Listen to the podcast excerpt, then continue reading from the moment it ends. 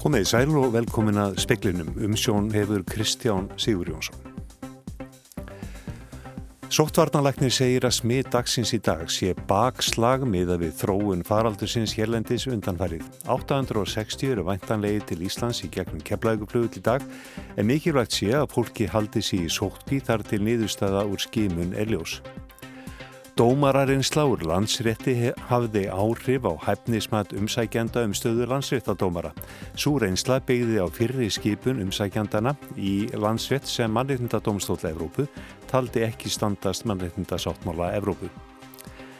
Frankvandastjóri samtaka fyrirtæki í sjáurutvi segir að alltaf með í búastu sveplum í nýttjastofnun sjáar. Því sé það ekki áfall þó hafranstofnun leggji til að dreyi verðu úr þoskviðum. Aldrei í sögu Háskóla Íslands hafa borist fleiri umsóknir í hjúgrunar, leikskólakennara og tæknifræðinám. Skapandi greinar eins og tölvuleikir hafa skilað finnum gríðarlegum verðmættum. Tveir af tæplega 930 farþegum sem fóru um Keflavíkurflugull í gær greintust með COVID-19. Annar þeirra er komin í einangrun og smitrakningir hafinn, segir Víði Reynisson yfirlörlu þjótt. Í morgun, eftir að, eftir að hann var búin að vera á gangudeld, þá, þá fór smittirhækningin að ganga á, á fulli ferð og það bara er í viðslegin þá, þannig að við vitum ekki ennþá hvort hann fór bara beint í sótkví eða hvort hann fór einhvað þar á milli, það kemur í ljós. Hinn sem greindist var ferðamaður með mótefni fyrir veirunni, hann þarf því ekki að fara í einangrun. Þá greindist lauruglumadur á Suðurlandi með veiruna í morgun eftir að hafa haft afskipti af þremur ferðamönnum sem voru á handteknir, grunaður um þjófnað á lögadag. Tvö þeirra, karlmaður og kona, reytust smituð. Þórólur Guðnarsson sóttvarnarlagnir segir að þetta hafi verið við búið. Já, þetta er bakslag miða af það sem að uh, hefur verið undanfarið. Við höfum náttúrulega ekki verið að sjá neyn uh, raunveruleg smitt undanfarið og í þeim skilningi er þetta bakslag en þetta er eitthvað sem við bjökumst við að myndi gerast og ég held að þetta gerist allstaðar. 860 komið til landsins um keflaugurflugull í dag og í kringum 80 farþegar Norrænu fengu skimin á segðisfyrði í morgun. Þórólur brínir fyrir fólki að halda sig á dvalarstað þar til það fær niðurstöðu úr sínatöku. Og halda sig þar, ekki fara út á djammið, ekki vera innan um fólk ég held að það sé mjög mikilvægt að, að það sé gert og, og við þurfum að leggja meiri áherslu á það, það er greinilegt eftir daginn í gær. 9.000 sæti á dag er í bóði hinga til landsum mánaðamótin júni-júli, mest er hægt að skima 2.000 á dag. Það er verkefni fyrir Ísa, Ísafja og, og, og yfirvöld að stýra flæðinu til Íslands þannig að, að, að við förum ekki yfir þá tölu. Ef að svo tala verður eitthvað harrið þá þarf fólk að fara í sótkví saði Þórólfur Guðnason. Áður heyrðist í víði reynisinni, Hólmfríður Dagni Fríðjánsdóttir tók saman.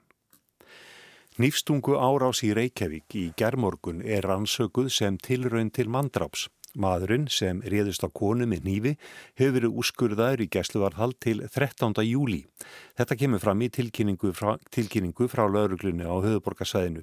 Hérastómi Reykjavíkur úrskurðaði mannin sem er á færtusaldri í gæsluvarðhald á grundvelli rannsóknar hagsmuna annars vegar og hins vegar vegna þess að lauruglan tilur hættu á því að maðurinn brjóti áfram af sér. Konan sem var fyrir árásunni er ekki í lífsættu. Rannsóknmálsins miðar vel. Dómarareynsla í landsrétti var metinn tveimur umsækjendum um stöðu dómara við landsrétt til tekna þrátt fyrir að lögmæti skipunar þeirra hafi verið vafa undir orpið eftir dóm Marindadómstóls Evrópu í landsréttarmálunu. Dómarareynsla réði úrslitum um það að Arfríður Einarstóttir, landsréttardómari, var metin hæfust umsækjenda til að vera skipuð í stöðu landsréttardómara. Dómnemnd Matt Hanna og Ástaráð Haraldsson hérastómara hæfust út frá Matts þáttum og tók Arfríði fram yfir hann þar sem hún skoraði hæst í mati á dómarastörfum. Arðfríður var einn fjögura sem Sigurður Andersen, þáverandi dómsmálar á þeirra, tók fram yfir aðra umsækjendur sem dómnefnd mat hæfasta þegar landsaréttur var stopnaður. Þeir fjóri dómarar sögðu sig frá dómstörum eftir að mannréttinda dómstól Evrópu dæmdi að skipun dómara hefði ekki verið í samræmi við mannréttinda sáttmála Evrópu. Áslög Arna Sigurbjörnsdóttir, dómsmálar á þeirra, hefur nú ákveðið að skipa arfriði landsréttardómara á grundvelli niðurstöðu dómnefndar um hæfi umsækjenda. Það er litið til margara þátta, þar á meðal reynslu af dómarastörfum. Dómnefndin segir að reynsla af dómarastörfum í landsrétti vegi eðlumálsins samkvæm þingra en dómarastörfi hér aði. Tveir umsækjendur hafa reynslu úr landsrétti, Artfríður og Ragnhildur Bragadóttir. Þær voru báðar í hópi fjórmenningarna sem Sigriður Andersen tók fram yfir aðra umsækjendur. Þó skal getið að Arfriður og Ragnhildur hafa 17 og 16 ára reynslu af dómarastörfum en næst kemur Ragnhildur Snoradóttir 7 ára reynslu. Brynjólfur Þórgumundsson saði frá. Félag profesora við Ríkisháskóla mótmælir harlega því sem það kallar pólitísk afskipti fjármála og efnahansraðuneytisins á ráðningu réttstjóra hagfræði tímaritsins Nordic Economic Policy Review sem Norræna ráþæranemdin gefur út. Félagi segir að anstafa fjármála og efnahansraðuneytisins við ráðningu Þorvaldar Gilvasonar sem réttstjóra seti tímariti niður og sé ráðuneytinu til álitsnekkis. Félagprofessora við Ríkisháskóla segir afskipti ráðuneytisins skorta málefnarlegan grundvöll og afhjúpa skilningsleysi á vísindastarfsemi.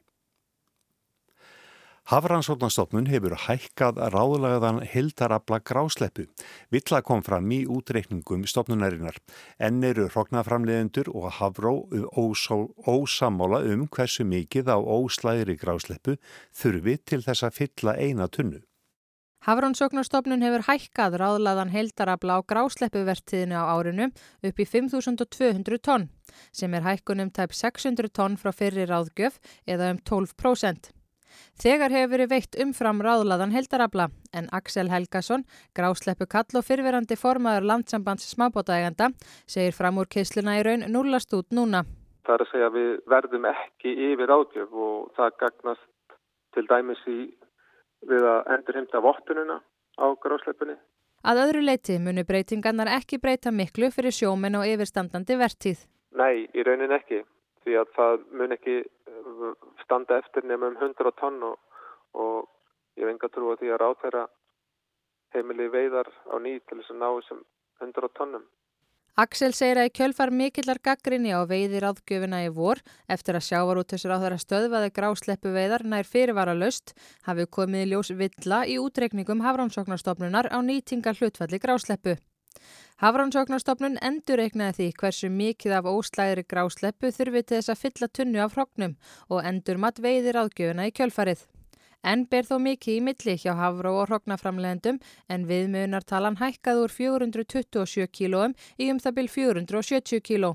En samkvæmt öllum sem, sem að verka grásleppu hér á landi þá er, er að meðaltali um 530 kíló sem þarf í hverja tunnu og hver tíu kílós þarna skipta gríðilegu máli þegar kemur að því að nota þessa tölur inn í ráðgefina. Sagði Axel Helgason, Úlla Árdal talaði við hann. Fjallaverður um veiði tilugur hafaránsnastofnunar á nýtjastofnum síðar í speklinum. Þeim sem vilja stunda nám í hjúgrunn, leikskóla kennarafræðum og tæknifræði við Háskóla Íslands fjölgar verulega milli ára. Aldrei í sögu skólans hafa borist fleiri umsóknir. Háskóla Íslands bárust hátt í 12.000 umsóknir um grunn- og framhaldsnám fyrir næsta skólaár og hafa umsóknirnar aldrei verið fleiri í sögu skólans. Til samanburðar má geta þess að nefendur eru nú um 13.300 þannig að umsóknamagnið næri tvöfaldar nefendafjöldan. Jón Alli Benediktsson, rektor Háskóla Íslands, segir vissulega vera áskorun að taka á móti fjöldanum. Háskólinn uh, mun eh, reyna allt hvað hann getur bara til að taka vel á móti þessu nefndahópi. Það er alveg ljóst að þetta mun verða mikið álag á starfsfólk en við eh, munum bara gera okkar besta til þess að tryggja að allt gangi upp og við munum líka leita til stjórnvalda til þess að fá aukinn stuðning til þess að bara komið vekk fyrir það að bara bóð mikið álag verði á starfsfólk. Það hefur verið gríðalegt álag á starfsfólk núna á síðasta missri vegna COVID-faraldusins en uh, ég vil líka minna á þetta eru umsóknir, það eru náttúrulega ekki allir sem koma en þetta er samt með svo það er alveg ljóst að þetta verður meira en okkur sinni fyrr. Umsóknum um grunnám fjölgaði um 21% milli ára, eru rúmlega 6.700 talsins. Umsóknum um framhaldsnám fjölgaði þó hlutfalslega meira eða um 50%. Þegar stakar greinar eru skoðaðar bárust flestar umsóknir vegna náms í sálfræði og eru það rúmlega þriðjungi fleiri enn í fyrra. Hlutfalsleg aukning er þó mest í grunnámi í leikskólakennarafræðum og tæknifræði þar sem hún nánast tvöfaldast og í hjúgrunn þar sem 77% fleiri sóttu um. Þetta var Anna Sigriður Einarstóttir sem að tók þennan pistil saman og talaði við Jón Alla Benediktsson. Háskólin á Akureyri kann að þurfa að hafna alltaf helmingi þeirra sem sótt hafa um nám við skólan í haust kom ekki til aukin fjárveiting frá ríkinu. Þetta kemur fram í tilkynningu frá skólanum. Metfjöldi umsókna barst í sálfræði og yðju þjálfunarfræði í haust og rúmlega 60% aukning á fjölda umsókna í leikskólakennararnám. Umsóknir um grunnskólakennararnám eru 28% um fleiri enn í fyrra. Umsóknarfrestur rann út á miðnætti. Þetta er ekki áfall, við eigum alltaf að búast við því að það geta orðið sveiblur í nýttjastofnum sjávar. Þetta eru viðbröð heiðrúnar Lindar Martinsdóttur, frangvandastjóra samtaka fyrirtækja í sjávarútvi, við því að Hafrannsóknarstofnun leggur til að dreyi verði úr þorskveiðum sem nefnur 15.000 tónnum á næsta fiskveiði ári. Þetta er í fyrsta sinni í 11 ár sem stofnuninn leggur til að dreyi verði úr þorskveiðum. Nei, það er rétt. Það undanfærin 11 fiskvið ár höfum við lagt til aukningu í ráðgjöf þors. Þannig að það má náttúrulega segja að einhver tíman það sem fyrir upp fyrir nýður aftur. En, hérna, en ástæða þess að þessara lækuna núna er falli í vístölum sem og merkjum að dánutala, við dánutala eldri fisks hafi verið meiri heldur en töldum áður. Segir Guðmundur Þórðarsson, fiskifræðingur og sviðstjóri á Hafránssonarstofnun Ráðgjöfinu vegna Þors í fyrra voru rösku 272.000 tonn en líklegt er að veiðin á þessu fiskvið ári sem að senn rennur sitt skeið verði 273.000 tonn. Nú er lagt til að Hámars þorskveiði verði 256.600 tonn sem er 6% samdráttur. Heiðrún Linde Marteinsdóttir, framkvæmtastjóri FFS, segir að það eigi eftir að fara yfir ráðgjöf Háróm. En er þessu tíðindi um samdrátt í þorskveginni áfall? Ekki áfall, við hefum alltaf að búast við því að það getur orðið sveiflur í, í nýttjastofnum sjáar. 6% niður ætti ekki að vera mikið áhyggjöfni en þarna eru auðvitað já, þættir sem að þarf að skoða betur og huga að en svona stóra heldarmyndin að þá á þessi ráðgjöf ekki að Eh, kveiki einhver sérstök viðvörunar ljós um aflaregluna sem slíka eða hvernig við erum að nýta nýtjastofna sjáar. En með þorskina þá kemur fram að það virðist vera ja, útlitt fyrir þetta að það verði ekki mikla breytingar í nánustu framtíð. Nei, það eru þetta ekki að koma svona þessir stærri árgangar sem við þurfum á að halda til þess að stofnin stækki verulega en hérna lítil en stöðug aukning á að vera það sem að við svona alla jafna stefnum að en eins og ég segi sveiblur frá einu ári til annars við hefum ekki að draga allt og viðtakar álíktanir af því. Guðmundur eh, segir að ástæðan fyrir 6% skerðingu þorskveiða sé að vísitala milli árganga sé lélegri en tali var 2016 árgangurinn var lélugur og gert var áð fyrir því en ekki að fallið er þið svo mikið eins og raun ber vitni. Og þess vegna hefur við svolítið áhyggjur af því svona fyrsta leik hversu mikið þessi leikunum var og þessi, við erum ekki með fulla skýringar á því af hverju hann lækkaði, af hverju vístar hann lækkaði svona mikið. Þannig að við býðum mjög, mjög eftir hérna haustralinu hvort að þetta staðfestist hérna að, að fiskurinn hafi svona horfið svolítið úr stofmanningunni hjá okkur. Um, Þannig að það er kannski svona stærsta málið í lækkuninu á vístölunni. En svo er það hitt að, að eftir að veiði hlutvallir lækkaði hérna, þegar aflarreglum var breytt úr 25% í 20% þá jógst magna eldri fiski í, í stofnunum og í veiðunum. En það síðan hefur komið núni í ljós að við hefum kannski vannmetið aldrei dánatölun á þessum eldri fiski þannig að við hefum kannski gert ráð fyrir að það væri meira af eldri fiski í stofnunum heldur en við metum nú en það breytir því ekki að, að samt sem áður er mikið meira af eldri fiski í stofnunum heldur en áður var en bara ekki alveg eins mikið eins og við töldum. En þú sér að ég full skýring á því hvers vegna vísitalan er að lækka en hver er þá hugsanleg skýring? Sko það eru alltaf svona mæliskekkja í þessum mælingum. Það er náttúrulega farið með bóttörpu á tæmlega 600 stöðum allt kring landið. Það eru ímsi þættir sem hafa áhrif. Það er veðufar og svo getur bara veðarleiki verið mismunandi. Stundum koma svona útslag sem er þá upp á við, mjög hærri vístala heldur ekki maður gerir ráð fyrir og svo kemur svona niður á við. En hins vegar náttúrulega er það ljóst að vístalinn hefur lækkað undanferðin þrjú ár og svipaðu sögum og segi haustralinn að þetta staðfestið svolítið það en hversu mikið lækunin er núna uh, kemur þetta aldrei mikið óvart. Ertu þá að segja að þetta geti breyst, já ráðgjöfin geti breyst eftir alveg í höst? Uh, nei, yfirleitt breytið nú ekki ráðgjöfinni innan, innan fiskuði ás nema verulega mikið komið til.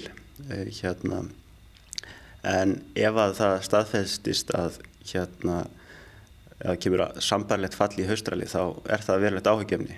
Eh, það sem við vonumst til er að, að þetta, þetta mikla fall sem varð núna í ári í voralinu sé svona mæliskekkju, eh, hvað við getum kallað vandamál, en, og hérna kannski næsta voral sín ekki alveg, alveg það sama. En útlitið er alls ekki svarti þegar litir á heildarveiðarnar. Til dæmis verður heimilt að veiða 93 tonn af hörputíski á tveimur svæðum í breyðafyrði.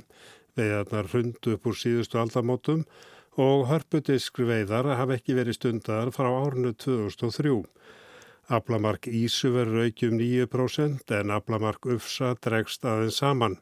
Ástand hlýrastoppsins er ekki gott en nýliðuna brestur hefur verið frá árunnu 2012 heimilt verður að veiða 314 tonn og aðtegli vekur að heimilt verður að sleppa hlýra aftur í sjóin ef aflamarki er náð. Brottkast verður sem sagt leift. Rannsóknir sína hlýrin er harður af sér og að 90% af þeim fiski sem kastaði fyrir borð næra lifa. Stopn sumargóðsíldarinnar hefur minkað um næri 60% síðustu tíu ár, samt sem áður verður veiðin aukin um 3% og leftur að veiða yfir 35.000 tonn.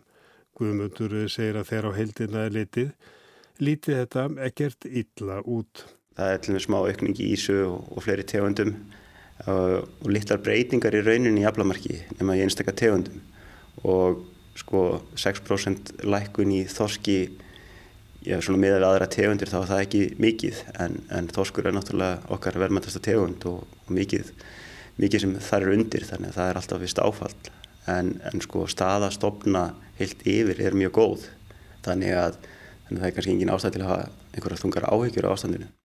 Þetta var Guðmundur Þórðarsson, Arnar Páll Haugsson tók saman. Helmingur ljósmæra hættir á næstu 10-15 árum og það er ferið að bera á skorti. Hugsanlega er nýliðnin þó aðeins að glæðast. Formaður Ljósmærafélag Íslands segir að ljósmæður hafi ekki nægilega mikil völd innan helbriði stofnana. Í Ljósmærafélaginu eru 264 félagsmenn, allt konur. Fimm eru undir 30 en 62 á sjötugsaldri. Árlega eru braudskráðar álíka margar og útskrifiðust úr yfirsetuskólunum í byrjun 20. aldar en landsmönnum hefur stór fjölgað á sama tíma. Þegar er svæðisbundin skortur og ljósmaðurum og erfitt að ráða í afleysingarstöður á sumrin. Áslög Íris Valstóttir, formaður Ljósmaðurafélags Íslands, segir líta út fyrir að eftir 10-15 ár verði mjög erfitt að manna ljósmaðurastöður á Íslandi. Helmingur félagsins er 50 ára og eldri eða eiginlega 55 ára og eldri helmingu félagsmanna sem við vitum mun hætta þá á næstu 10-15 árum, eitthvað svo leiðis. Áslög segir að starfs ánægja með að ljósmaðra mælist mikil en hvers vegna eru þær þá ekki fleiri? Eh, hérna á Íslandi, allavega svo ég tel bara fyrir Ísland, þá er þetta náttúrulega tölvist laung námskrafa. Þú þart 6 ár, 6 ár í háskóla að hann fara starfsrættið þessi ljósmáður. Þetta er líka erfitt starf bæði andlega og líkamlega er þetta frekar kræfjandi og erfitt starf. Það er mikil vaktabyrði.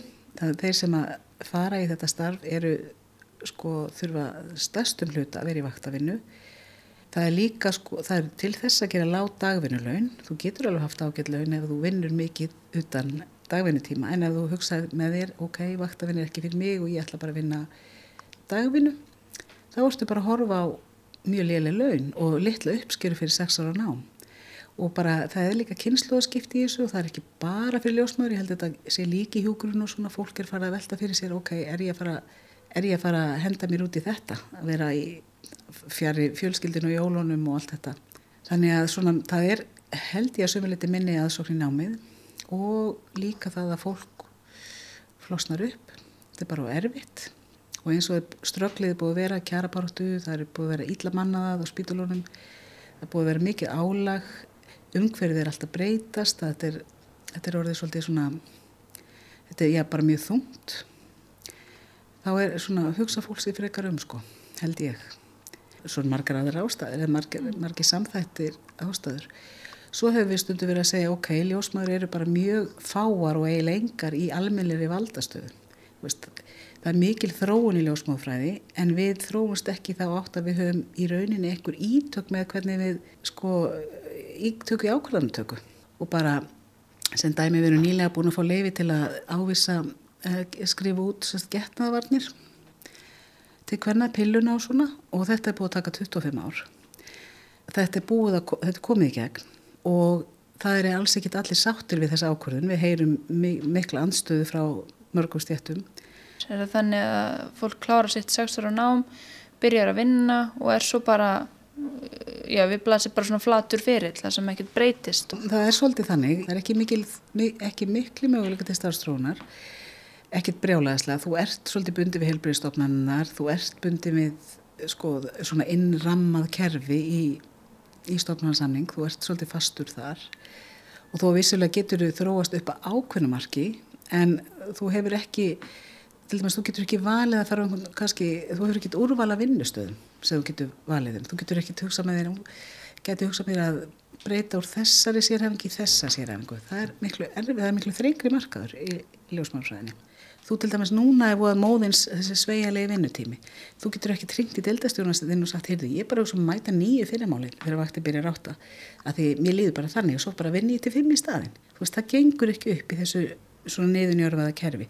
Þannig að þegar krafan er orðið meiri svona sveigalegi vinnutíma þá er það ekkert mikið í bóði ekki það að núna það sem við höfum verið að, að gera er náttúrulega í þessi ný, ný, nýjafstöðnu kjærasamlingar Þar var náttúrulega, það voru gerður ákveðna vinnutíðumbreytingar sem eru hugsað til þess að gera vaktavinnuna svolítið svona meir aðlandi og meir svona fjölskyldi vætni heldur hún hefur verið. Vaktabreitingin sé gott skref en til að laða fleiri í námið til ráslög að þurfa að veita ljósmaðurum aukið vægi og tækifæri til að móta starfsumkverfið til framtíðar. Margir upplifa það okkur, það eru rosa duglega að menta sig, það eru hámentaðar íslenska ljósmaður mörgu finnst að upplifa það ok, ég, ekkit, ég fæ ekki að nota mínu mentun, ég fæ ekki að sko breið út vangina eins og ég þarf. Rétt eins og í tilviki hjókrunafræðinga er skorturinn á ljósmaðurum ekki bundin við Ísland. Alþjóða heilbreyðismálastofnin varar við skorti á heimsvísu á næstu árum. Nú þegar eru 28 ljósmaður á Íslandi komnar yfir 65 ára aldur, það er gætu hætt allar í einu eftir áriða tvö, en skarðira er það ekki fyllt á einu ári. Í fyrra luku tíu framhaldsnámi í ljósmóðurfræði, átta árið þar á undan og þrjára árið 2017. Alls hefur því 21 ljósmóðir útskrifast á síðastlunum þremur árum. Nú hefur háskólinn fengið heimild til að taka fleiri inn í einu. Sko háskólinn er búin að fá leiði fyrir 12 ári. Þannig að það er þó strax fjölgurum tvær per ár og jáfnvel fjórar. Stundu voru bara leiði fyrir átta. Það þetta telur og kannski duður það til. Sankvæmt Háskóla Íslands bárust í vor átjón gildar umsóknir í ljósmóðurfræði til starfsrettinda. Af þeim verða því líklega teknarinn 12. Arnildur Haldanadóttir rætti við áslögu Valstóttur. Speillin fjallar næstu daga um fleiri stjettir sem glíma við nýliðunar vanda. Á árunum eftir vangarhunni 2008 kom hefnin Íslandingum til hjálpar. Makrillin syndi til Íslands og ferðamenn streymdu til landsins æg fleiri á hverju ári. Þetta dróð þó kannski úr kvatanum til að styðja við arðbærar skapandi greinar. Það hafi verið gerðar skýslur eins og speillin ætti nýlega en minna um áþreifanlegar aðgerðir. Til dæmis að íta undir þróun afar gjöfulla greina eins og tölvuleikja.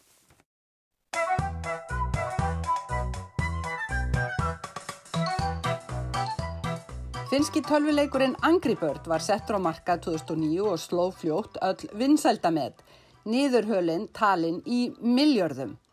Rovio, finska fyrirtækið sem framleiti fugglana, varð alþjóðlegu risi á sínu sviði og reyðufuglarnir urðu efni í tvær kvikmyndir, skemmtegarð, allskinn stót og sjást í landkynningu finskra ferðamála yfirvalda.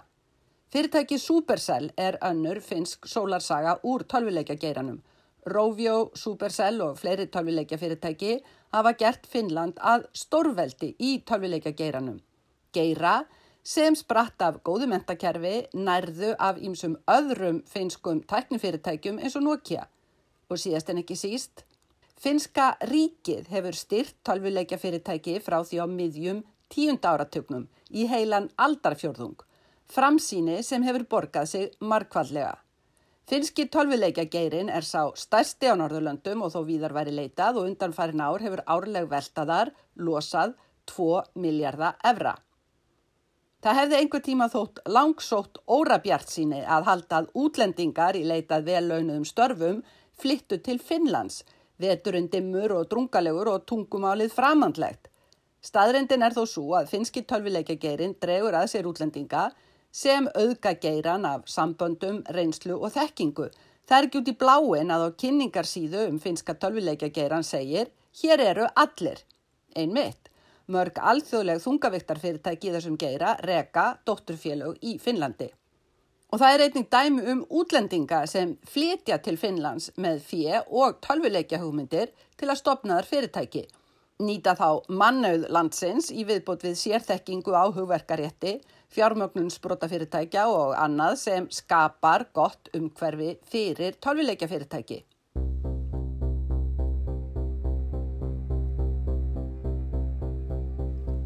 En líka á Íslandi er á Ímsu að byggja í tölvileikageiranum til dæmis CCP. Eve Online leikurinn þeirra fór á flug og á sér trygga aðdöndur út um allan heim og Ímsir fyrrum starfsmenn CCP hafa ungað út nýjum fyrirtækjum. Hilmar Veigar Pétursson, framkvæmdastjóri CCP, lísti því hressilega á innþingi 2014 hvað fælist í að reka tölvileikafyrirtæki. Það er oft svona kallað útflutningur en það er í rauninni innflutningur. Við, við erum fyrirtæki sem flytur inn peninga um, að við flytjum ekkert út. Það er bara fólk sem situr uh, nýra á grandakarði, borðar í mötunettinu uh, og hugsar og eðir ramangi. Og svo bara streymir hugarorkan til hérna, halvra miljón manna út um allan heim sem bara sturta peningunum sinn til Íslands. Þetta er alveg geðveikur business. Jafnvel ófarir geta skilað afrakstri, nýtti Hilmar á. Ós sprakk á sínu tíma en skildi ekki eftir sig verksmiðurústir, heldur, þekkingu sem blómstræði nýjum fyrirtækjum. Og Hilmar nefndi líka hvað Erlend sendir á Íslandi veri ötul að bjóða vænlegum fyrirtækjum gull og græna skóa fyrir að flytja.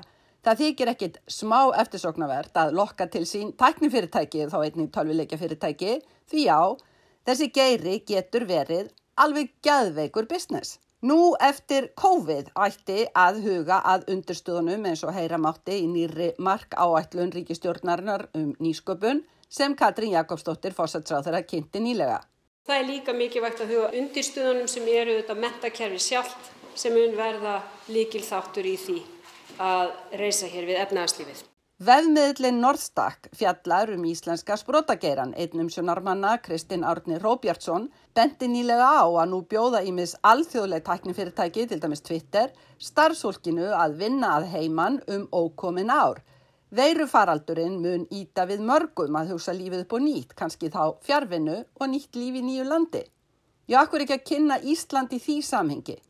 Ísland verður seint nafli alheimsins en landið hefur aðra kosti eins og náttúruna, gott heilbriðskerfi og góðan mat sem á nota markvist til að laða að fólk úr tækningeiranum. Það væri ekkert smá nærandi fyrir íslenska tækniumhverfið, segir Kristinn Árni, sem vonast til að sjá sem fyrst vegspjöld í San Francisco með kvartningu um að vinna fyrir Twitter frá Íslandi. Sér hver nýbúi sem kemur með þekkingu, kunnáttu og reynslu í farteskinu og kannski líka góðar tekjur að utan er algjör kvalreki fyrir lítið land eins og Ísland hvort sem viðkomandi býrðar í lengri eða skemmri tíma. En samt, viturlæra að hafa til dæmis finna í huga, treyst ekki bara á kvalreka og hefni, heldur byggja markvist upp skapandi umhverfi fyrir skapandi greinar sem geta verið alveg gæðveikur business. Sigrun Davísdóttir saði frá. Það var helst í speklinum að sóttvarnalæknir segir að smið dagsins í dag sé bakslag meða við þróun faraldusins hérlandis undanferðið 860 eru vantanlegi til Íslands í gegnum keflaðeguflugöll í dag en mikilvægt sé að fólki haldi sér í sóttkvítar til niðurstaða úr skimun erljós. Nána verður fjallaðan um þetta máli sjómansfréttum klukkan 19. Það er ekki fleiri speklinum í kvöld, tæknimaður var Magnús Þorstedt Magnússon. Verðið sæl.